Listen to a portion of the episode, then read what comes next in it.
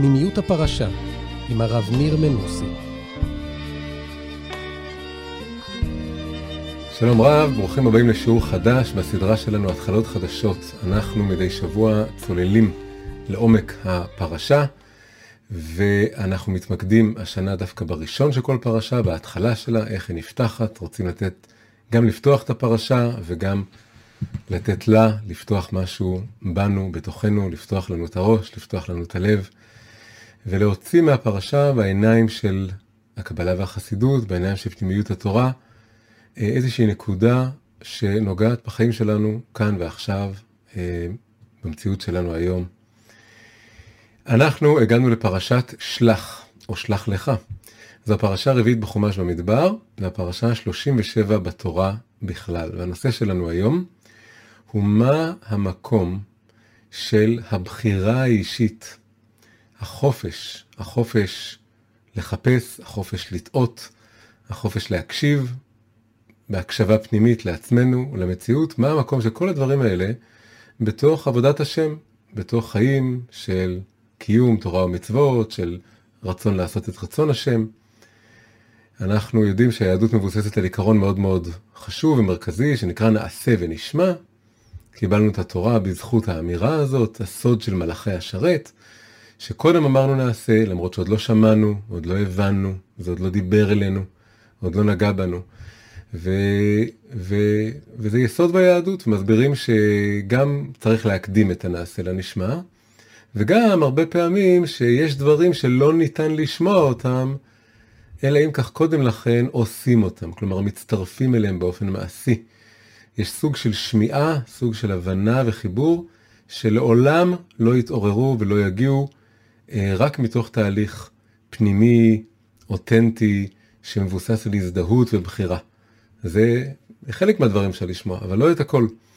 וזה גם ככה לגבי כמה וכמה תחומים בחיים, וזה גם ככה לגבי התורה. אז מסבירים ככה נעשה ונשמע גם שהנעשה קודם לנשמע, וגם שהנעשה מוביל לנשמע. אבל כל העיקרון הזה וכל ההסתכלות הזאת, היא מאוד מאוד מדגישה את הקבלת עול ללא הזדהות בתור שלב ראשון. ומין אמירה כזאת שאומר שצריך לשמור מצוות כי כך כתוב בתורה, כי כך כתוב בשולחן ערוך. החסידות מאוד הדגישה ועוררה ופיתחה באמת דווקא את המימד של השמיעה. כלומר דווקא את הצד של כן ההזדהות, וכן החיבור, וכן השמיעה הפנימית. הדגישה שיש איזה ערוץ ישיר אל הקדוש ברוך הוא, שהוא לא רק עובר דרך התורה. וממילא יש כאן איזשהו אה, משהו שהוא עוקף את הנעשה הזה, בגלל שהוא פונה לשם ישירות, הוא קשוב לנוכחות של השם ישירות. וגם הקבלה דיברה, הקבלה, החסידות בעיקר, על מימד של חיבור אישי, פרטי, ייחודי, מה האות שלי בתורה, מה הנקודה שלי בתורה. לא רק ללמוד תורה במקום, במקום שלי בי חפץ, אלא העמקה הרבה יותר גדולה במה זה בכלל חפץ הלב שלי ומי אני בכל התמונה הזאת. וככל שפותחים יותר את, ה... את המרחב הזה שהחסידות פותחת והמקום הזה של השמיעה הפנימית האישית הולך ומתפתח וגדל, אז יש איזושהי סכנה שמתעוררת או שאלה שמתעוררת איך כל זה יושב ביחס ל... לעיקרון הפשוט היסודי של יראת שמיים, של קבלת עול מצוות, שלא הכל רק מה שאני מזדהה איתו ורק מה שאני מתחבר אליו. והרבה פעמים החשש הזה הוא גם מזין את ההתנגדות שעדיין קיימת, גם אם היא לבשה קצת צורות אחרות, אבל היא עדיין קיימת, אה, כלפי החסידות.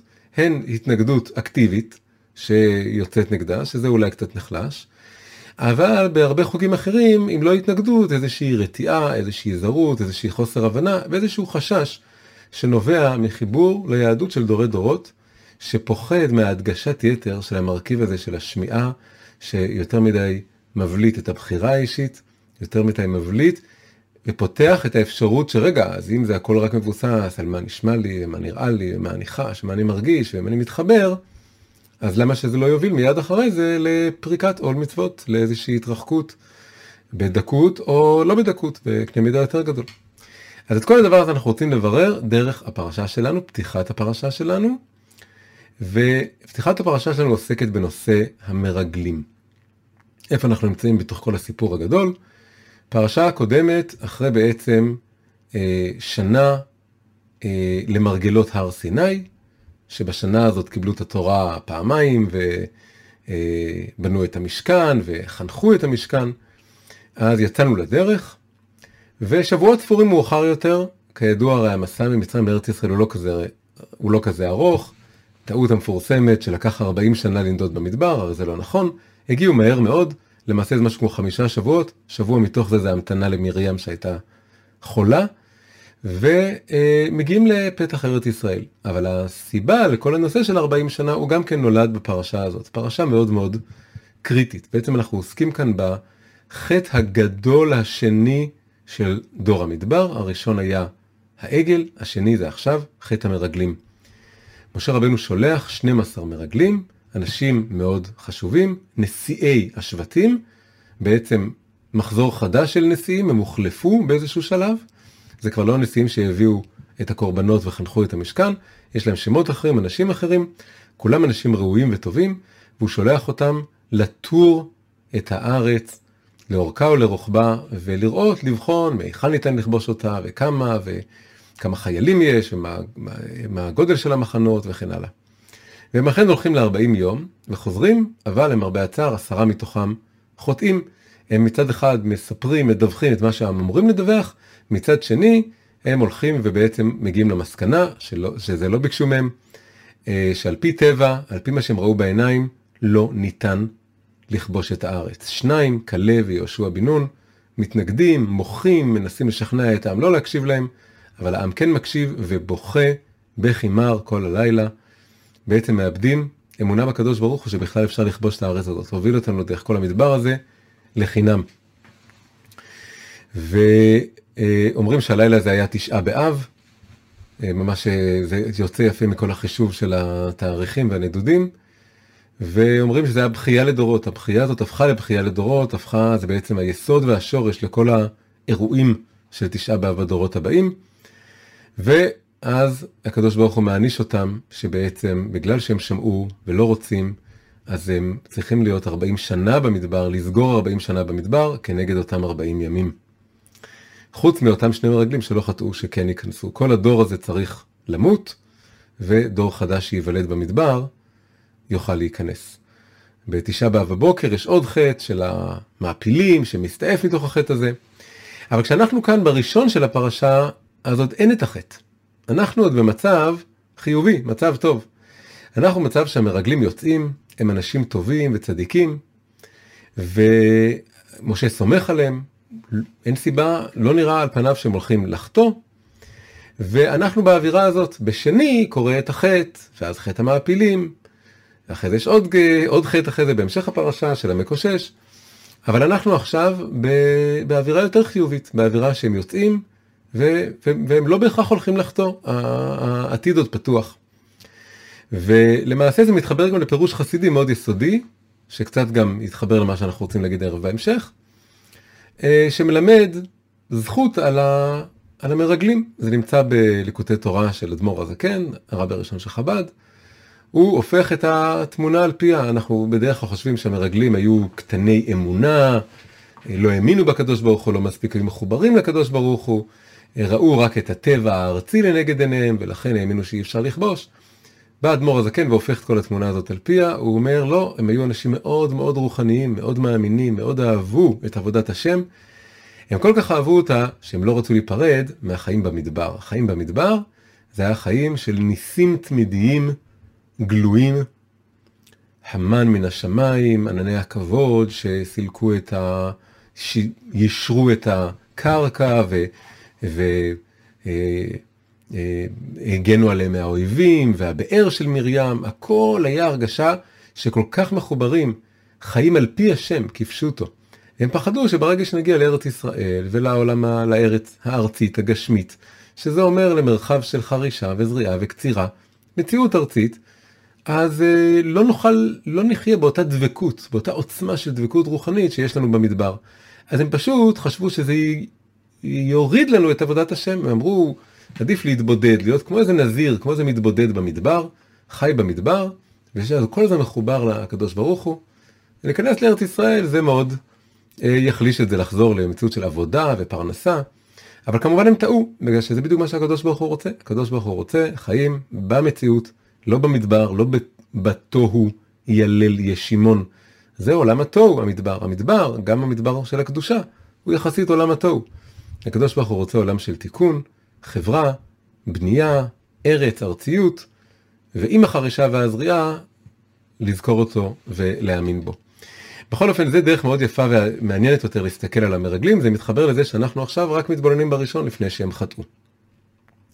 עכשיו נתחיל לפתוח יותר לעומק את כל מה שקורה פה, ונבין את עומק המשמעות שבעצם אנחנו עכשיו בפרשת ציר.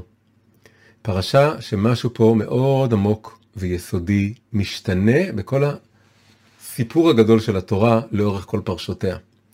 הגענו עכשיו אל פתחה של ארץ ישראל, אנחנו עכשיו הולכים להיתקע כאן 40 שנה, אבל באיזשהו מקום כל 40 שנה האלה, זה כבר על הסף של ארץ ישראל. וזה לא היה עד עכשיו, היה את ארץ ישראל לפני שהיינו עם.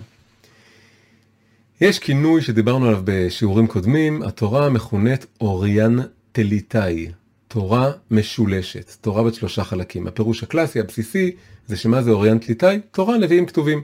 התורה שבכתב התנ"ך מחולק לתורה, נביאים וכתובים. יש עוד פירושים. פירוש נוסף, דיברנו על זה, הקדשנו לזה שיעור, התורה ניתנת בשלושה שלבים, פעם אחת בהר סיני, פעם שנייה באוהל מועד, פעם שלישית בסוף ה-40 שנה בערבות מואב, ודיברנו על זה, ראינו שזה מקביל לחוכמה, בינה ודת. ויש עוד חלוקה בתוך התורה, בתוך התורה עצמה, יש חלוקה לשלוש, חוץ מהחלוקה לחמש, יש חלוקה לשלוש, שעד מתן תורה, כל הדבר הזה נקרא ספר הברית, ממתן תורה ועד סוף חומש במדבר זה החלק השני, וכל החומש האחרון, דברים, נקרא משנה תורה. אז הוא באמת קצת uh, קובע ברכה לעצמו או משהו אחר, אז הוא החלק השלישי, חלוקה לשלוש. יש עוד חלוקה לשלוש, שהיא חידוש של הרב גינזבורג, כתוב באחד הספרים, uh, באיזשהו מקום אולי הכי הכי פשוטה, והיא מאוד נוגעת לפרשה המסוימת הזאת. כמה פרשות יש בתורה סך הכל? 54 פרשות. 54 פרשות, המספר 54 מתחלק לשלוש, הוא כפולה של שלוש. כמה זה 54 חלקי 3? 18. אפשר לעשות חלוקה הכי אה, פשוטה, הכי ישירה, אם מדברים על אוריינט ליטאי, ואנחנו לא הולכים לתנ"ך כולו, אלא לחמש תחומשי תורה, ואנחנו לא פונים אל אותה חלוקה שראינו, אלא עושים חלוקה הכי פשוטה, אז התורה מתחלקת לשלושה חלקים שווים, כל אחד 18 פרשות. החלק הראשון זה יוצא מפרשת בראשית עד פרשת משפטים. זה הפרשה 18 בתורה. החלק השני זה מפרשת תרומה, בדיוק אחרי משפטים, עד פרשת בהעלותך, שזה פרשה שעברה. אז זה כבר 36 פרשות, 18-18. ועכשיו אנחנו בעצם מתחילים את השליש השלישי של התורה. מזל טוב, נכנסנו לשליש השלישי של התורה. פרשת שלח היא הפרשה ה-37 בתורה, כלומר הראשונה מבין ה-18 פרשות האחרונות. איזה מין היגיון או טעם או מבנה אפשר לראות בחלוקה הזאת לשלוש. חלוקה השוויונית לשלושה חלקים בתורה. אז זה יוצא משהו מאוד יפה, ההיגיון של זה ניכר אם אנחנו מנסחים לעצמנו שבאיזשהו מקום לתורה יש שלושה יעדים. שלוש תכליות, שלושה יעדים שהיא רוצה להגשים במציאות. היעד הראשון הוא מתן תורה, מתן תורה עצמו. ואז אפשר להגיד שכל ה-18 פרשות הראשונות בעצם חותרות אל היעד הזה. כל הדורות הראשונים זה מין דרך ארץ קדמה לתורה עד שמגיע אברהם אבינו. אברהם, יצחק, יעקב, זה ההתחלה של הבירור הזה כדי להגיע לאדם שראוי לקבל את השם ישראל. אחרי זה יש את כל התהליך בהשגחה פרטית, איך כל המשפחה הזאת שישראל מקים מתגלגלת למצרים. מצרים הופך, הופכת להיות הרחם שמגדל את העם הזה, כדי שהוא יהיה עם שלם, ואז הוא יוצא למדבר, ובעצם בפרשות יתרו ומשפטים, זה גולת הכותרת, זה השיא של 18 הפרשות האלה, זה מתן תורה. מתן תורה זה בעצם גם יתרו וגם משפטים. זה היעד הראשון, התכלית הראשונה, והיא מושגת בסוף ה-18 פרשות הראשונות. היעד השני שמעסיק וממלא את כל ה-18 פרשות הבאות, הוא המשכן, בניין המשכן. המשכן, אחרי שקיבלנו תורה, צריך משכן שיכיל את לוחות הברית, אבל לא רק יכיל את לוחות הברית, אלא יבנה מרחב של עבודת השם, אה, כפי שהתורה מצווה אותה, שזה בעצם מרחב של קורבנות ושירים ו, אה, ותפילה בעצם גם. כל הדבר הזה זה המשכן. וזה מעסיק החל מפרשת תרומה, הפרשה ה-19, ששם שם מתחיל כל הסיפור. שם באים כולם ונותנים את התרומות שלהם להקים את המשכן, ושם זה ממשיך עד פרשת בעלותך, שסוגר את הקצוות של הדבר הזה, ועוד יש בה כמה ענייני משכן. מהפרשה שלנו עד סוף התורה, למעשה אין יותר ממש התייחסות למשכן, חוץ מכמה חזרות קטנות על אה, נושא של קורבנות. משנה תורה, כל העניין שלו זה לחזור על דברים. אה, יש את הדין של פרה אדומה, אבל פרה אדומה דווקא מה שמודגש בו זה שלא עושים אותו במשכן, אלא מחוץ למשכן. אז בעצם סיימנו עם המשכן בפרשה שעברה. אז נכנס, נכנסנו לשליש השלישי. מה היעד? מה המטרה? שכל השליש השלישי של התורה מכוון אליה, חותר אליה. אז צריך להגיד שהמטרה השלישית, היעד השלישי, הוא ארץ ישראל. קיבלנו את התורה, בנינו את המשכן, הוא נודד איתנו, עם כל כליו, ועכשיו את כל הדבר הזה צריך ליישב, להנחית, להוריד לאיזה קרקע, לאיזה מציאות ארצית, ליישב את זה בתוך המציאות ולהתחיל לחיות לא רק חיי עבודת השם כפי שהם במדבר, זה מה שחיינו אותו בשליש השני. השליש השלישי, שעוד פעם, הוא, הוא, הוא מגיע, גם כן, הוא לא מגיע באמת לארץ ישראל. ארץ ישראל זה רק בספר יהושע. אבל הוא מגיע מאוד מאוד, הוא מגיע ממש עד, עד הסף של הדבר הזה בסוף, אה, זאת הברכה, סוף התורה. סוף התורה זה ממש כשמשה רבנו נפטר, שהוא כבר משקיף על ארץ ישראל, ויש אחת לפי אחת הדעות, השמונה פסוקים האחרונים בתורה, כבר כותב אותם יהושע בן נון, מה שיוצר איזה תפר או רצף בין סוף התורה לבין ספר יהושע. לפעמים יש בחינה מסוימת של ספר יהושע שייך לחמש שייך לתורה שבכתב, במובן הצר של המילה, כלומר לתורה, לא נדבר על התנ"ך. יש צד שאומרים שאם אלמלא העגל היינו מסתפקים, כל היהדות זה היה רק חמש חומשי תורה וספר יהושע. חטא העגל הוליד את כל הדברים האחרים. אז יש בחינה שיהושע נתפר לסוף התורה, כי זה בעצם, סוף התורה זה הכל עניין של כניסה לארץ. איפה זה מתחיל? בפרשה 37, בתחילת השליש השלישי, כאן בפרשת שלח. הגענו אל הגבול של ארץ ישראל, ועכשיו מתחיל הסיפור של איך נכנסים לארץ, מה זה הארץ, מה זה הסיפור הזה של הארץ. זה מאוד חזק להבין ככה את כל הסיפור של היהדות. שלושה כתבים, שלושה קודקודים, שלושה יעדים. יש לקבל את התורה, יש לבנות את המשכן ויש להיכנס לארץ. קצת מזכיר, תורה, עבודה וגמילות חסדים. תורה זה התורה, עבודה זה המשכן, הקורבנות, במציאות שלנו זה בעיקר התפילה, ואז יוצא שגמילות חסדים זה כנראה קשור ל... לעניין של להיכנס ל... לארץ ישראל. אפשר להגיד שגם זה קצת מקביל לחב"ד, גם כן, מאוד דומה למה שדיברנו בשיעור שאמרנו שלושה מתני תורה, אחד בהר סיני, אחד באוהל מועד, אחד בערבות מואב, מאוד דומה. הר סיני זה היה חוכמה, זה כאן החלק שעוסק במוביל כולו להר סיני עד מתן תורה. מתן תורה שני באוהל מועד, זה, הנה אוהל מועד, המשכן, זה מקביל. ומה זה היה מתן תורה שלישי של הדת של אה, ערבות מואב, זה ממש ערב הכניסה לארץ. אז זה גם קצת חוכמה בינה דת. המשכן זה כמו בינה, התורה זה החוכמה עוד מעל זה לפני זה, וכאן אנחנו מגיעים בעצם בשליש האחרון לבחינה של דת. דת זה נקודת חיבור איתנו, עם המציאות שלנו, זה המודעות שלנו, ההכרה שלנו. רוצים שהמוחין, האור של הראש, האור של השכל, חוכמה בינה, ייכנס וירד וישתרש לתוך המציאות, לתוך החיים עצמם. אז זה בדיוק דת. אמ, איך אנחנו רואים את זה כאן? מאוד מאוד חזק ויפה. אז נפתח את הרש"י הראשון. הרש"י הראשון על הפרשה, מאוד חיוני להסתכלות בפתיחת הפרשות. רש"י, הוא כמובן מביא את זה מחז"ל, הוא מדייק בלשון הלא מובנת מאליה והלא שכיחה שלח לך. הביטוי הזה הוא לא פשוט. הביטוי הפשוט היה שלח. שלח אנשים לתור את הארץ. מה זה שלח לך אנשים? שלח לך אנשים זה מזכיר הגשם חלף הלך לו. סוג של התפעל. סוג של זה חוזר מתגלגל אל עצמך. מה זה שלח לך? אז הוא מביא בלשון הזאת, שלח לך לדעתך.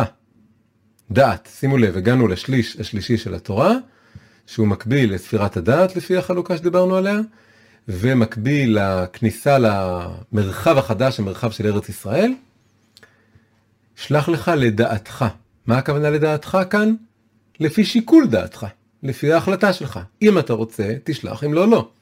אני ממשיך עם רש"י, לדעתך, אני איני מצווה לך, אומר הקדוש ברוך הוא. אם תרצה, שלח. רש"י ממשיך, לפי שבאו ישראל ואמרו, זה מתואר בתחילת ספר דברים. ונשלחה אנשים לפנינו. זה לא היה כתוב כאן, אבל אנחנו, זה מגלים לנו מאוחר יותר, שהם ביקשו את זה. אה, ומשה נמלח בשכינה, הוא התייעץ בשכינה. השכינה זה לא בדיוק הקדוש ברוך הוא, זה משהו יותר כאן למטה ששוכן במציאות במשכן. ואז הוא אומר, אמר, אני אמרתי להם שהיא טובה, שנאמר כבר בספר שמות, אעלה אתכם מעוני מצרים. וגומר, אין לי פה את כל הפסוק, מן הסתם המשך הפסוק מדבר על, ה, על, ה, על ארץ ישראל. חייהם, שאני נותן להם מקום לטעות בדברי המרגלים, למען לא ירשוה. משפט מאוד מוזר. יש פה משני כיוונים איזה מין הרגשה של פתאום איזה חירות חדשה שנפתחת. איזה חופש חדש שנפתח. הדבר הראשון זה שהקדוש ברוך הוא נותן למשה חופש. למה, למה הקדוש ברוך הוא צריך להגיד בקול רם בצורה נורא נורא ברורה מותר לך לשלוח? הוא יכול לשתוק. אם הוא רוצה לחייב את זה, שיגיד שלח מצווה, אתה צריך לשלוח מרגלים. הוא לא עושה את זה. אם הוא רוצה להבהיר שזה אסור, כי הוא, הקדוש ברוך הוא יודע שהם הולכים לחטוא ולהחטיא והכל יעכב ב-40 שנה, אז תגיד אל תשלח. אם, אתה, אם הקדוש ברוך הוא רוצה שזה באמת יהיה היתר, הוא יכול פשוט לא להגיד כלום. ומשה, ודאי שמשה קיבל הרבה החלטות במדבר, אז הוא יחליט אם לעשות זה או לא. הקדוש ברוך הוא עושה משהו הרבה יותר מעניין מזה. הוא בא ואומר שלח לך. אני, מצ... אני זורק לך רעיון, ותעשה מה שאתה רוצה איתו. תשלח, לא תשלח. It's up to you. בידיים שלך. משה לוקח את הדבר הזה, נמלח בשכינה, וזורק, מגלגל את אותו כדור של בחירה, של חופש כזה, לעם עצמו. חייהם של עם ישראל, שאני נותן להם מקום לטעות. תרגישו את הביטוי הזה. מקום לטעות. מקום לטעות. בדברי המרגלים. למען לא יהיה רשוע. כלומר שאם, ש... שיהיה אופציה כזאת. שלא ירשו וזה יעבור לדור הבא, או שכן ירשו. מקום לטעות. הכל כאן אנחנו בדרך למקום. המדבר הוא סוג של לא מקום. nowhere. כן? no place. והארץ ישראל זה כבר place, זה מקום. אז כדי שנכנס באים למקום, חלק מהעניין, מהמהות של לבוא אל מקום, זה מתחיל להישמע לנו כאן, יש כאן גם מקום לטעות. אז עכשיו בעצם צריך להסביר ככה, הכניסה לארץ ישראל היא כניסה למקום, היא כניסה למרחב חיים, היא כניסה למרחב חיים שיש בו סוג של אוטונומיה לאדם, לעם, גם ליחיד, כמו משה כאן, גם לעם בכללותו. יש פה בעצם שלוש רמות של, של אנשים שקיבלו חופש. משה מקבל חופש, 12 המרגלים שהם קבוצה, יותר גדולים ממניין, מקבלים חופש, ובאמת רואים שעשרה חוטאים ושניים לא, וכל העם מקבל חופש אם להקשיב למרגלים או לא. בשלוש רמות זה משתלשל מהקדוש ברוך הוא שאומר למשה שלח לך, ואז הוא בוחר את המרגלים, כולם אנשים טובים, שיהיה להם באמת בחירה רצינית, לא אנשים כאלה שטחיים, שברור שהם יראו את, את ארץ ישראל והם יגידו אין סיכוי, הוא לוקח אנשים רציניים, שיש להם סיכוי, והם מקבלים את הבחירה מה לעשות עם מה שהם רואים, ובסוף גם עם ישראל מקבל בחירה. הם, הם מנצלים אותה לא טוב. משה, באמת קשה לטעון נגדו, אבל כלפי המרגלים וכלפי העם זה כבר, זה כבר כן יש מקום לטעון, לכן גם נענשים. אבל כנראה זה חלק מאוד מהותי מהסיפור. כשאנחנו מגיעים לסף של ארץ ישראל, ליעד השלישי של התורה, למקום הזה שנקרא מקום, למקום שנקרא חיים, בתוך הארץ, בתוך הארציות, יש איזה משהו במושכות, מרפאים אותו, מתירים קצת את הלחץ, את, ה, את האחיזה על המושכות, ונותנים לנו מרחב לטעות. גם אולי מתאים למציאות האקטואלית שנמצאים בה היום, כן? שאנשים רוצים, רוצים כל מיני דברים, ולא לא קורה מה שכולם רוצים, אבל הקדוש ברוך הוא נותן לנו חופש. לשחק ולהתבלבל ולטעות ולעשות וגם חלק מהסיפור, חלק מהסיפור של ארץ ישראל. ארץ ישראל נקנית בייסורים, גם נקנית בטעויות, במקום לטעויות, צריך לתת מקום לטעויות.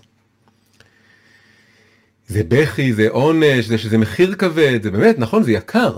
המחיר של החופש הוא מאוד יקר, הם טועים וזה עולה להם ב-40 שנה, בדור שלם שלא נכנס לארץ ישראל. זה דוחה את הגאולה ב-40 שנה. אבל הקדוש ברוך הוא מעדיף את זה, הוא מעדיף שייקח עוד 40 שנה לגאולה, מאשר שייכנסו באיזה מין הרגשה דטרמיניסטית כזאת, כמו שהיה בעצם עד עכשיו, בשני השלישים הראשונים. שהכל הובל וככה, ופה פתאום יש איזה, את האווירה, האווירה החדשה הזאת, אווירת החופש. אפשר להגיד כזה דבר, שאם מסתכלים על מתן תורה, מתן תורה זה לגמרי תנועה מלמעלה למטה. כלומר, משה עולה אל ההר, אבל התורה, הקדוש ברוך הוא יורד, התורה יורדת, כפה עליהם הר כגיגית, אז התורה שניתנת בהתגלות מוחלטת, מעין משתקת, פרחה נשמתם בכל דיבר ודיבר ששמעו, זה לגמרי מלמעלה למטה. המשכן, שנקרא גם אוהל מועד, מלשון התוועדות ומפגש, יש בו התחלה של שילוב של התנועה מלמעלה למטה עם התנועה מלמטה למעלה. כי אנחנו עושים, איך התחיל השליש השני? תרומה, מרימים, מעלים תרומה, מעלים חומרים, את כל החומרים הארציים שבונים את המשכן, והקדוש ברוך הוא בא ושוכן, יורדת האש ושוכנת על המזבח, והשכינה שורה בעם ישראל, אז זה מין שילוב. אבל המעבר לשליש השלישי, הוא כבר לגמרי רוצה לתת מקום לתנועה מלמטה למעלה. כלומר, השליש הראשון הוא כולו בסימן מלמעלה למטה, כלומר, היעד של השליש הראשון תורה. וכדי שבשליש האמצעי יהיה את השילוב הזה, אז חייב להיות שבשליש השלישי של הדעת של ארץ ישראל, יש נטו מקום לתנועה הזאת מלמטה, מלמטה למעלה. עכשיו כל הדבר הזה מתחבר מאוד יפה למושג מאוד חשוב, אה, שטבע אותו המקובל, הימי ביניימי העמוק, המרתק, החידתי אה, והלעיתים הזוי, שנקרא רבי אברהם אבולעפיה. רבי אברהם אבולעפיה היה מקובל גדול עוד לפני הארי, אה, והוא טבע מונח מאוד מיוחד, שמאוד חביב על הרב גינזבורג, הוא מאוד הנחיל לכולנו להשתמש בו הרבה הרבה, שנקרא שלם וחצי. המושג שלם וחצי שמדי פעם חוזר בשיעורים שלי, זה בעצם איזושהי אמירה מאוד כללית, אפשר למצוא אותה בהמון מקומות בתורה, שהשלמות האמיתית, או השלמות השלמה אפשר לקרוא לזה, היא בנויה על עיקרון של גם שלם וגם חצי. רק שלם זה מאוד שלם, זה מאוד יפה, כשיש שלמות, הרגשה של שלמות, איזון, מלאות, קרבה, חיבור, שלם, כולם, מי לא רוצה שלמות? אבל יש משהו מושלם מדי בשלמות. זה לפעמים מפריע כשיש איזו יצירת אומנות, או מוזיקה, או תיאוריה, אה, או מצב שהוא כל כך אלגנטי, כל כך סימטרי, כל כך מכיל את הכל, שאנשים אומרים משהו פה מושלם מדי, נקי מדי, לא מהדהד את החוסר שלמות, את השברים של החיים. ו- וכל זה אומר רבי אברהם אבולעפיה נכון, כי זה לא השלמות האמיתית, השלמות האמיתית, השלמות השלמה, יש בה מרכיב של שלם, של שלמות, ועוד מרכיב של חצי. חצי, במובן העמוק של המילה, של היות חצי, של היות חלק, של להיות שבור, של להיות בלתי שלם. ורק זה מביא שלמות. איפה רואים מאוד יפה שלם וחצי? בקריאת האמונה היסודית ביותר שלנו, של כל היהודים, שנקראת שמע ישראל, השם אלוקינו השם אחד. השיא של הדבר הזה זה המילים השם אחד. השם אחד, תעשו את הגימטריה, השם, שם הוויה, י"ק ו"ק, זה גימטריה 26, ואחד זה גימטריה 13. היחס בין 26 ל-13 זה בדיוק יחס של שלם וחצי. כל פעם שיש מה שמתחלק לשלוש, אבל מתחלק בצורה של שניים ואחד, זה יחס של שלם וחצי. שם הוויה זה מאוד שלם. מה יותר שלם מזה? שם הוויה, כל ההוויה, כללות ההוויה, י', ק', ו', ק', זכר, נקבה, זכר, נקבה, הכל נורא שלם ומושלם. אבל אז כשמוסיפים את המילה אחד, דווקא פתאום מרגישים סוג של חצי. למה? כי אחד זה מרגיש לא שניים, אחד זה מרגיש בודד, אחד זה מרגיש חצי, חצי בן אדם, השם אחד, הוא רוצה עוד, השם אחד הוא שמו אחד, הוא רוצה עוד איזה אחד, הוא רוצה את עם ישראל. אה, וגם אם אנחנו, אנחנו, יש לנו, יש לכל אחד את השם שלו, ואז גם, אבל הוא אחד, הוא רק אחד, איפה הבן זוג שלי? וזה אפילו מסתתר שם, אה, אפשר לראות את זה עוד פעמיים בתוך המילים השם אחד. השם אחד מתחיל באותיות י' וה', י' וה' זה 10 ו-5, זה שלם וחצי, וזה מסתיים באותיות ח' וד', גם שם יש שלם וחצי, ח' וד', 8, 4, גם שלם וחצי. וזה במבנה של המשכן נמצא ובהמון דברים, וזה גם נמצא כאן. החלוקה של התורה, אוריינט ליטאי, שלוש פרשות, של, סליחה, שלושה שלישים, זה בעצמה חלוקה של שלם וחצי, כי אפשר להגיד ששני השלישים הראשונים יש בהם משהו שלם, משהו מאוד שלם.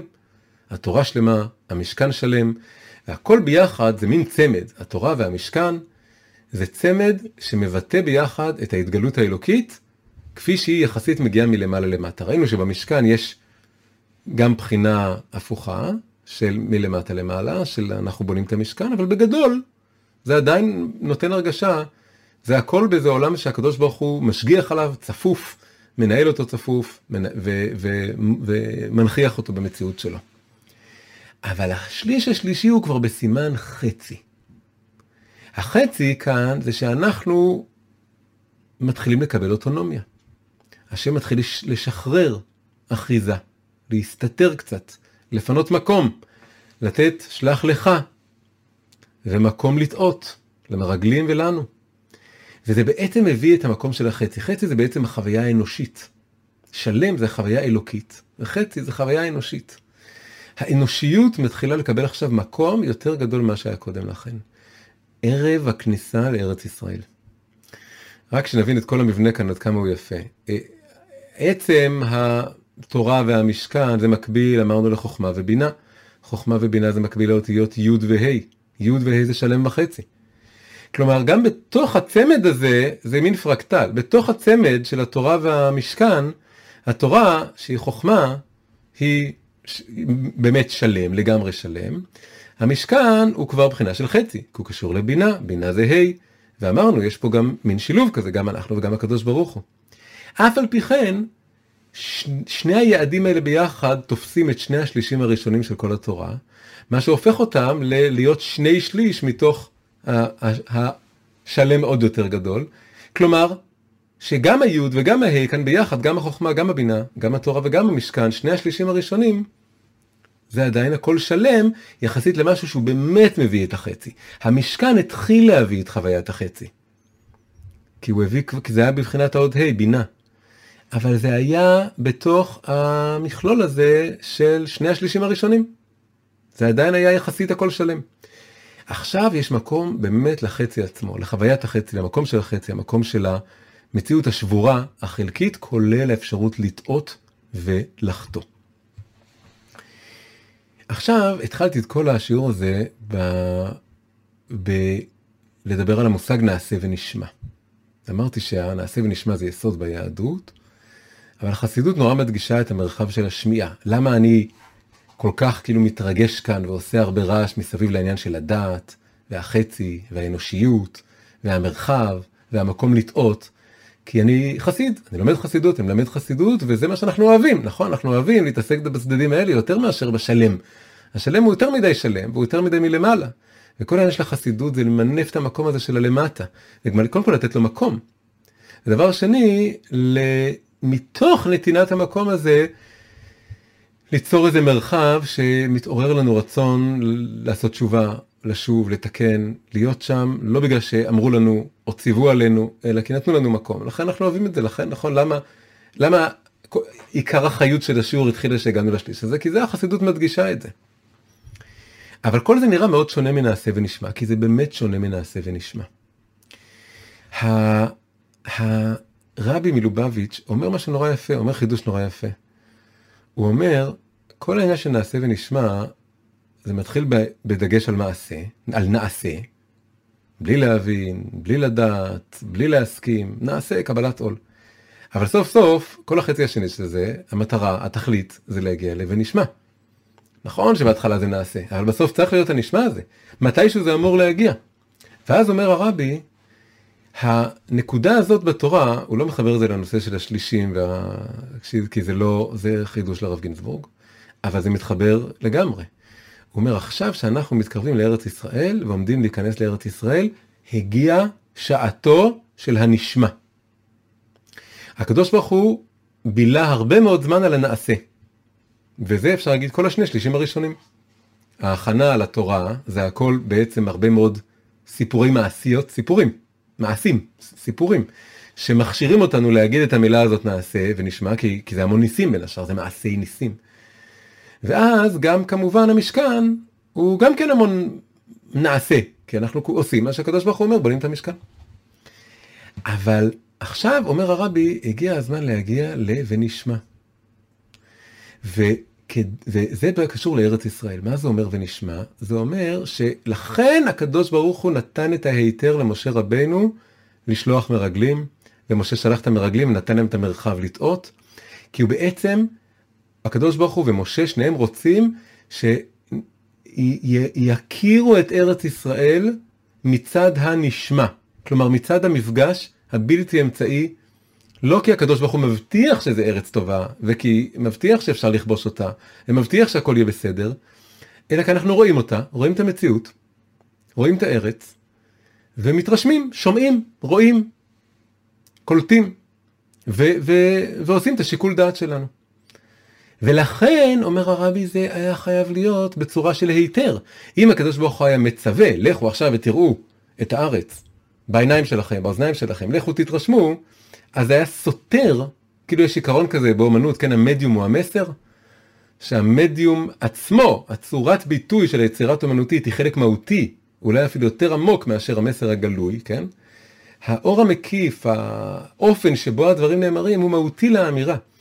מכיוון שכל הקדוש, מה שהקדוש ברוך הוא רוצה לעשות כאן עכשיו, זה לפתוח את המקום הזה של הנשמע, כלומר המקום שהאדם, מתוך המציאות שלו, שומע ומתבונן ומרגיש, ומגיע לאיזה שהם מסקנות משל עצמו, ובכלל מרגיש שמותר לו לחשוב, ומותר לו להביע דעה, דעת, אז זה חייב להיות באופן של היתר. זה תהליך מאוד עמוק, מאוד יסודי ב, באיך מגדלים מישהו בכלל. כלומר, כשאתה מגדל מישהו עד גיל מסוים, אתה אומר לילד הכל, פחות או יותר. אתה אומר לו כך וכך, והגבולות, ואז יש איזה של... שלב מסוים בהתבגרות, שאתה מתחיל להתיר את המושכות, כמו שאמרתי, וזה מתחיל מזה שאתה שואל אותו מה דעתך בכלל. עכשיו, בהתחלה זה מין משחק, מתי שהוא באמת יעשה מה שהוא רוצה. בהתחלה זה מין משחק, אתה אומר לו מה דעתך, רק כדי ל- ללמד אותו לשאול את עצמו מה דעתו. עכשיו, יכול להיות שדעתו תהיה לא נכונה ולא טובה, ואז יהיה לזה משמעות, יהיה לזה השלכות, יהיה לזה מחיר, זה בדיוק מה שקורה פה. אבל זה מתחיל מהדבר הזה. אז עכשיו, מכיוון שהמטרה היא לפתוח את העניין של הנשמע, אז זה חייב לבוא באופן של היתר, וככה, אה, אה, וככה קורה כל הדבר הזה. והם נכנסים עכשיו אל הארץ, לטור, אגב, אפילו יש פה לשון מאוד יפה, הם באים לטור את הארץ, ויתורו, וזה לשון נופל ללשון, מתאים למילה היתר. יש גם את המילה מרגלים שמופיעה אחרי זה בדברים, יש לחפור את הארץ, יש כל מיני מילים, אבל המילה כאן היא המילה לטור, שיש לה קונוטציה שלילית, לא תטורו אחרי לבבכם ואחרי עיניכם, אבל יש לה גם משמעות של היתר, של איזה מין מרחב תנועה בתוך, בתוך הארץ. אז עוד פעם, אז יש לנו, השני שלישים הראשונים היו יחסית בחינה של נעשה, ועכשיו מגיעה הבחינה של הנשמע. עכשיו, כשאנחנו שמים את הפוקוס על העניין הזה של הנשמע, שפתאום הנשמע נהיה המרכז ונהיה המוקד, אז גם פה נפתח פתאום מרחב כאילו המבהיל, המרחב המסוכן. המרחב, ואם זה לא נשמע לי, ואם זה נשמע לנו שאי אפשר לכבוש את הארץ, אם זה נשמע לנו, זה, וקורים פה בעצם שני דברים, אנחנו שתי סכנות, לפי שני הפירושים שהצגנו בהתחלה על הסיפור של המרגלים. סכנה אחת, הפירוש המוכר יותר של מה היה החטא של המרגלים, שמרוב חופש, מרוב מקום להתבונן בכלים שלך, בשיקול דעת שלך, ובלי ההבטחות ובלי הציווי, אז הם כל כך התפעלו מהמציאות, כל כך התלהבו, מה... התלהבו מהמציאות הגשמית. המילה התלהבו היא לא, היא לא מדויקת, המילה באמת היא התפעלו.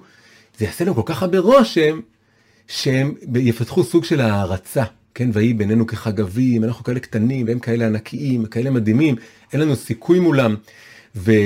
ובתרגום למציאות שאנחנו מכירים בחיים שלנו זה להתפעל מאוד מהעולם החילוני או הארצי או החומרי או הלא יהודי, ופתאום להרגיש שהיהדות היא כזה דבר קטן ועלוב וחלש ואין לה סיכוי, אין לה סיכוי מול הרעיונות הגדולים, היצירות הגדולות, המעשים הגדולים שהעולם עסוק בהם, כאלה, כאלה דברים מרשימים ויפים, ואנחנו כאלה חלשים. זה סכנה אחת מה, מאותה התרת המושכות, מאותו מרחב, שלח לך, לכו תטורו, היתר, תתבוננו ותגידו מה אתם חושבים. אז זו סכנה ראשונה, שנורא נתפעל מהעולם הארצי. סכנה שנייה, זה שנבטל את העולם הארצי, ונעשה סוג אחר של הפך רצון השם, שזה הפירוש ה... הרוחני יותר של, אה, של המרגלים שאמרנו בהתחלה, פירוש החסידי, שהם דווקא אומרים, הארציות היא בכלל לא מעניינת, מי רוצה אותה? אנחנו רק רוצים לחיות במדבר, בדבקות אלוקית, ולהתבודד במדבר, ולחיות עם הניסים של הקדוש ברוך הוא, וכל יום בהרגשה שמקבלים את השפע מלמעלה ביום יום, ולא צריכים בכלל לעבוד על זה.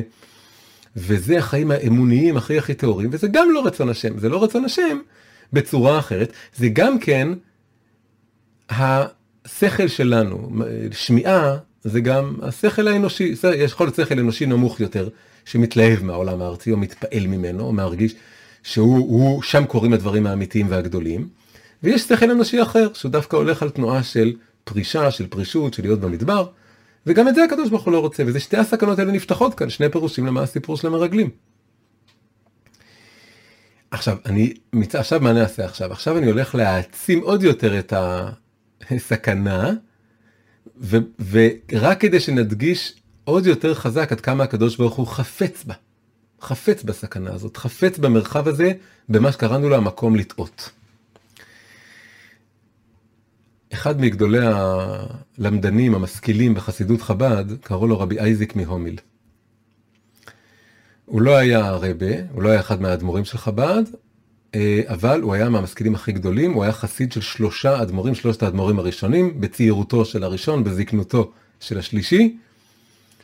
היה שלב באמצע שהוא היה מועמד להיות אחד האדמו"רים אפילו.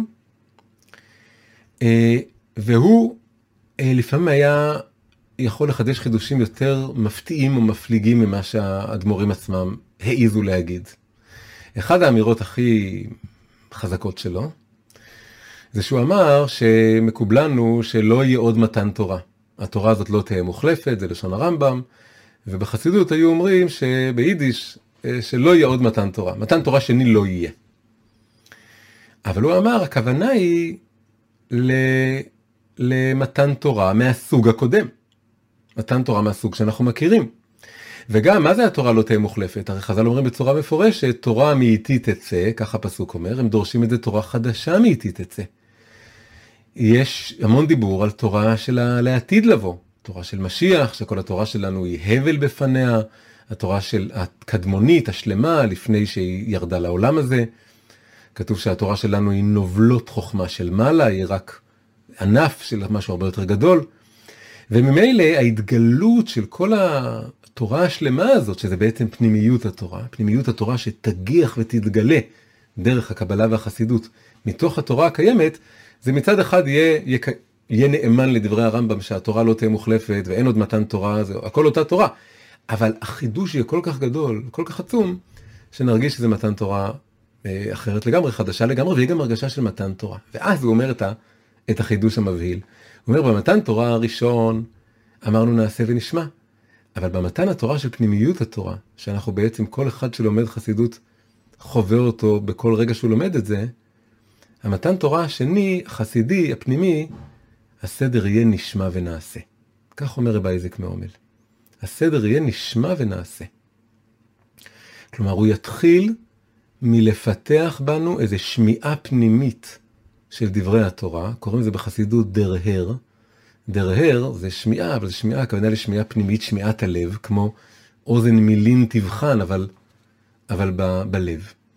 והשמיעה הפנימית הזאת, תוביל אותנו, תחדש לנו את כוחות העשייה, את כוחות המעשה, תביא אותנו מחדש לגמרי לעשיית המצוות, לא באופן הקודם של קבלת עול על סוג של עיוור, על סוג של, כן, אני מאמין שאם השם אמר את זה כנראה זה לטובה, כך, כך כתוב בשולחן ערוך, כך צריך לעשות, אלא מתוך איזושהי שמיעה פנימית של הטעם, של האיכות, של המשמעות, בלשון שמיעה, של התורה.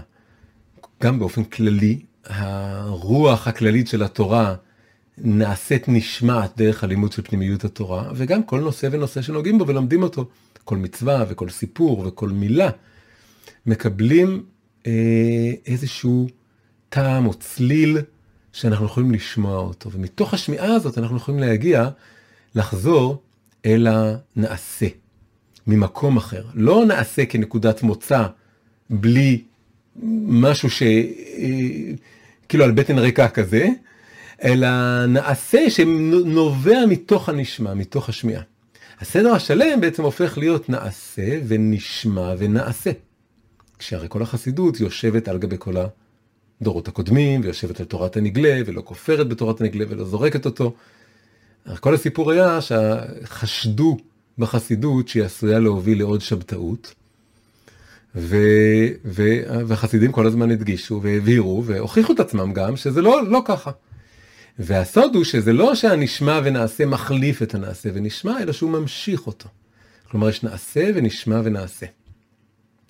עכשיו, עכשיו אנחנו לומדים שהסיפור הזה של נשמע ונעשה מתחיל פה, בשליש השלישי של התורה, בעמידה על סף ארץ ישראל, הכניסה לארץ ישראל, וכאן נפתח המרחב הזה, המרחב של השמיעה, והחסידות באמת נורא מדגישה את זה. את השמיעה הפנימית, את הקשר האישי עם הקדוש ברוך הוא, את הלא להסתפק במין חיים כאלה של כך כתוב, בוודאי שהדבר הזה קיים. וכמו כל שאנשי המוסר והליטאים ואנשי היהדות הקלאסית, אנשי הניגלה, יחזרו וידגישו לא תמיד צריך להבין ולא צריך תמיד להסכים והרבה מעט, יחזרו על העקרונות הישנים שאנחנו מכירים, שקודם עושים ואז שומעים אם זה נחכה לכל אחד שישמע או לא ישמע, אז מה יצא מזה? נכון, כל זה נכון, אבל אנחנו רוצים גם לתת מקום אמיתי לנשמע, עד כדי כך שאפשר לבוא ולהגיד את המילים האלה של רב אייזיק, נשמע ואז נעשה. רק שכל הנקודה וכל האתגר כאן, זה שבאמת זה פותח פתח מבהיל ומסוכן, מקום לטעות, והנה המרגלים טועים, או אמרנו, עודף התפעלות מהמציאות, או באיזה מין רצון דווקא לברוח מהמציאות, לפרוש מהמציאות. וזה גם יכול לקרות, אפשר להגיד ש, שבמחוזות פחות חסידיים, אז המציאות של היום שנותנת לכולם כל כך הרבה אוטונומיה ומרחב ומקום, כל העולם היום זה עולם של אוטונומיה, כן? כי הכניסה לארץ ישראל זה כמו בכלל התקרבות לגאולה, הגאולה זה, כל המציאות לאט לאט חותרת אל הגאולה, אז העולם היום נותן המון המון המון אוטונומיה, המון חירות. אז מישהו יותר, אה, פחות מחובר לצד הרוחני פנימי של החסידות או של פנימיות התורה, הוא יותר, זה ישפיע עליו, עשוי להשפיע עליו, עלול להשפיע עליו, כמו המרגלים בפירוש המוכר שלהם, שהוא נורא התלהב מהעולם בחוץ, שהוא יגלה אותו. ומי שיותר מחובר לחסידות, ואכן רואים את זה, איננו רואות שזה ככה, בהרבה מהחסידויות עצמם, זה יוביל למגמה כמו של הפירוש השני החסידי של המרגלים, שרוצים רק להיות באיזה מדבר, באיזה מקום רוחני, לא לפגוש את העולם, את העולם בחוץ, להסתגר מפניו. אז, אבל, אבל כך, כך השם רוצה. השם רוצה את המרחב הזה ורוצה את, ה, את, ה, אה, את החירות הזאת, את ההתרה הזאת.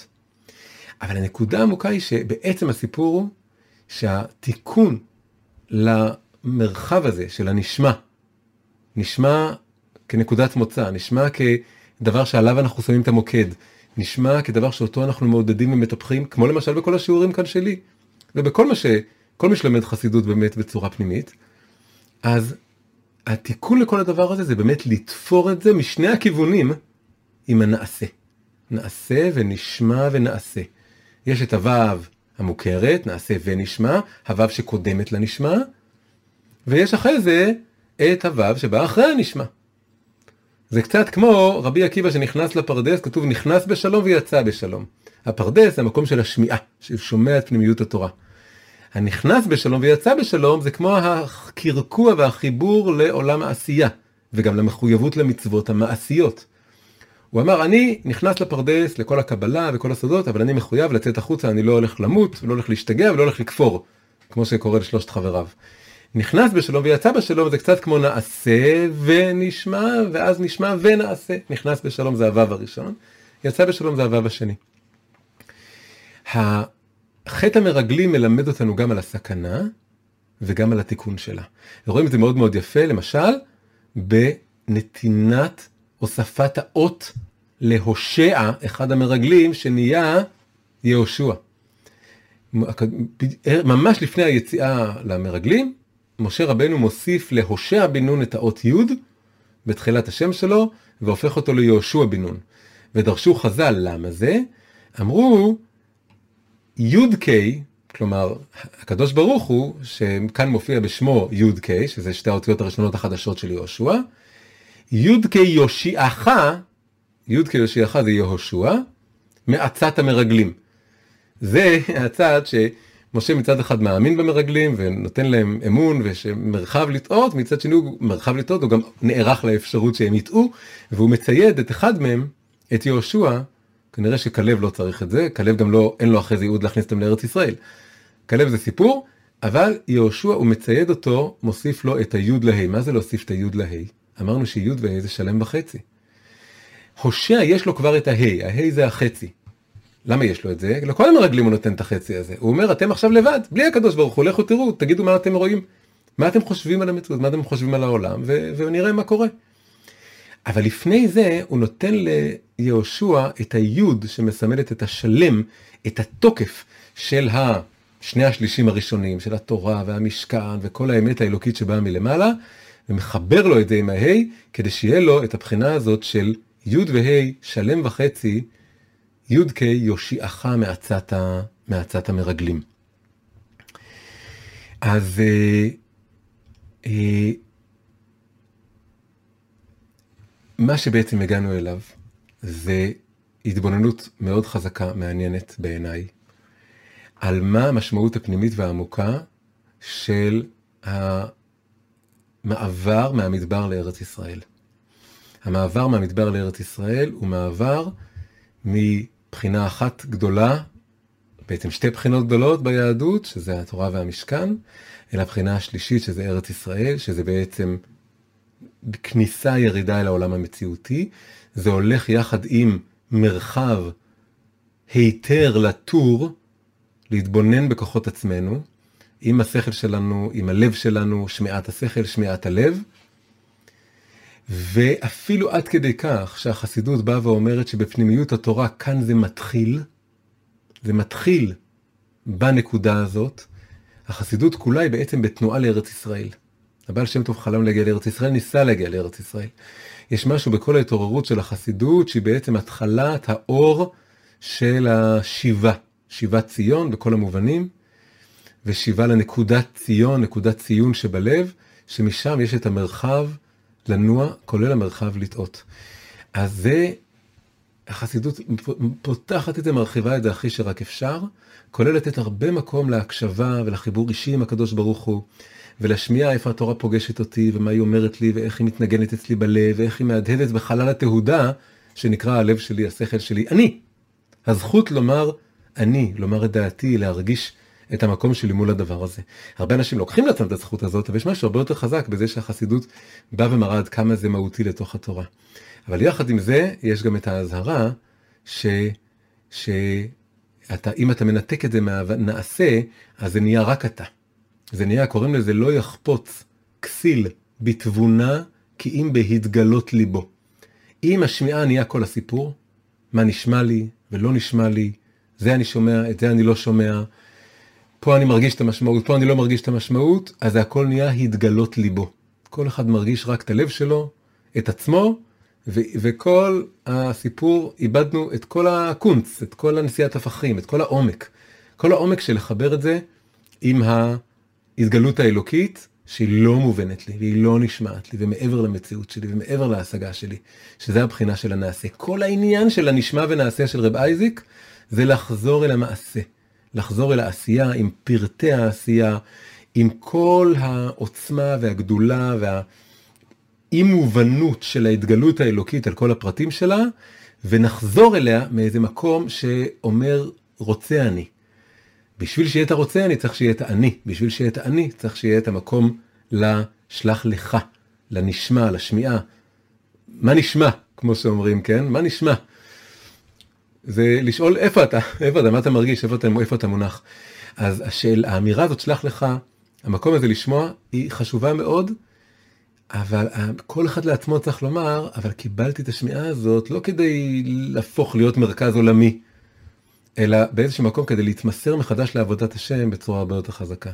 אני אסיים רק באמירה שתבינו עד כמה יש כאן מצד אחד מתן חירות ופתיחה וחופש מאוד גדולים, ומצד שני העלאה של הסטנדרטים של מה אנחנו בכלל מציירים כאן. כשמסבירים את העניין הזה של מה זה נשמע ונעשה, מחברים את זה למשנה בפרקי אבות שאומרת, אה, אה, אל, אל תהיו כעבדים המשמשים את הרב על מנת לקבל פרס, אלא יבואו כעבדים המשמשים את הרב שלא על מנת לקבל פרס. נכון, כולם מכירים את זה פרקי אבות. מה זה לשמש את הרב שלא על מנת לקבל פרס? זה בדיוק נעשה ונשמע. אני לא מצפה לשמוע ולהבין, השם אמר, אז אני עושה. לא עושה את זה בשביל פרס, לא עושה את זה בשביל השמיעה שלי. אני, אם אני אשמע מצוין, אם לא, אני עדיין אעבוד אותו. אבל בחסידות אומרים שהיה עוד גרסה לזה. הגרסה לזה נשמעת מאוד תמוהה, אבל החסידות יותר אוהבת אותה. הגישה היא, הנוסח השני הוא, הבו כעבדים המשמשים את הרב על מנת שלא לקבל פרס. לא רק שלא על מנת לקבל, אלא על מנת שלא לא רוצה פרס, לא רוצה, אני פשוט רוצה לעבוד, אני כל כך אוהב את השם, כל כך אוהב את החיבור עם השם, אני כל כך רוצה להיות שם, שאני רוצה לעשות את זה. את זה, את הרעיון הזה, הפירוש הזה, מחברים לעניין הזה של הנשמע ונעשה, שזה בסוף מוביל לסוג של עשייה עוד יותר מסורה וגבוהה. אז תבינו בכלל איזה מין ציור מצויר כאן, כן? מצויר כאן ציור שמצד אחד מתיר את המושכות ונותן מרחב להגיע לזה מתוך עצמך, ומצד שני מוסיף פתאום איזה סטנדרט עוד יותר גבוה של ברגע שבאמת תתחבר לזה, אז אתה כבר באיזשהו מקום תלך על זה בכל העוצמה ותגיד אני לא רוצה שום פרס שיקלקל לי את הדבר הזה, אני רוצה את הדבקות הזאת, להרגיש את הטעם שלה, באמת לגמרי מתוך עצמי. וטוב, זו נקודה מאוד עמוקה שעלתה כאן בסוף, אולי קצת אה, גדולה מדי בשביל סוף השיעור, אבל, אה, אבל זה גם טוב להשאיר טעם של עוד. אז בזה אנחנו אה, מסכמים כאן. אנחנו אה, ממשיכים לתוך הצוללים עכשיו לתוך השליש השלישי, אבל אנחנו באווירה, במרחב, באור המקיף של ארץ ישראל, של מעבר משלם לחצי, מעבר מהתגלות אלוקית אה, קצת משתקת ומבהילה, למה שאפשר לקרוא לו התגלות אנושית, שנותן את המרחב שלנו להיות אנשים ולטור ולשאול ולחפש ולטעות. וליפול ולקום, אבל בזכות כל הדבר הזה להתחבר בצורה הרבה הרבה יותר אמיתית ושלמה באמת. אז עד כאן שיעורנו השבוע. אם אהבתם את השיעור, אשמח אם תעשו לו לייק וכן תעשו מנוי לערוץ. ביוטיוב לחצו גם על סמליל הפעמון. כדי לאפשר לי להמשיך לעלות שיעורים ללא תשלום, אנא שקלו לתמוך בשיעורים דרך תרומה חד פעמית או הוראת קבע. אתם גם מוזמנים להצטרף לשיעור הזום החי שלנו המתקיים כל יום שני בערב. קישורים לכל הדברים אלו נמצאים בתיאור שמתחת לשיעור.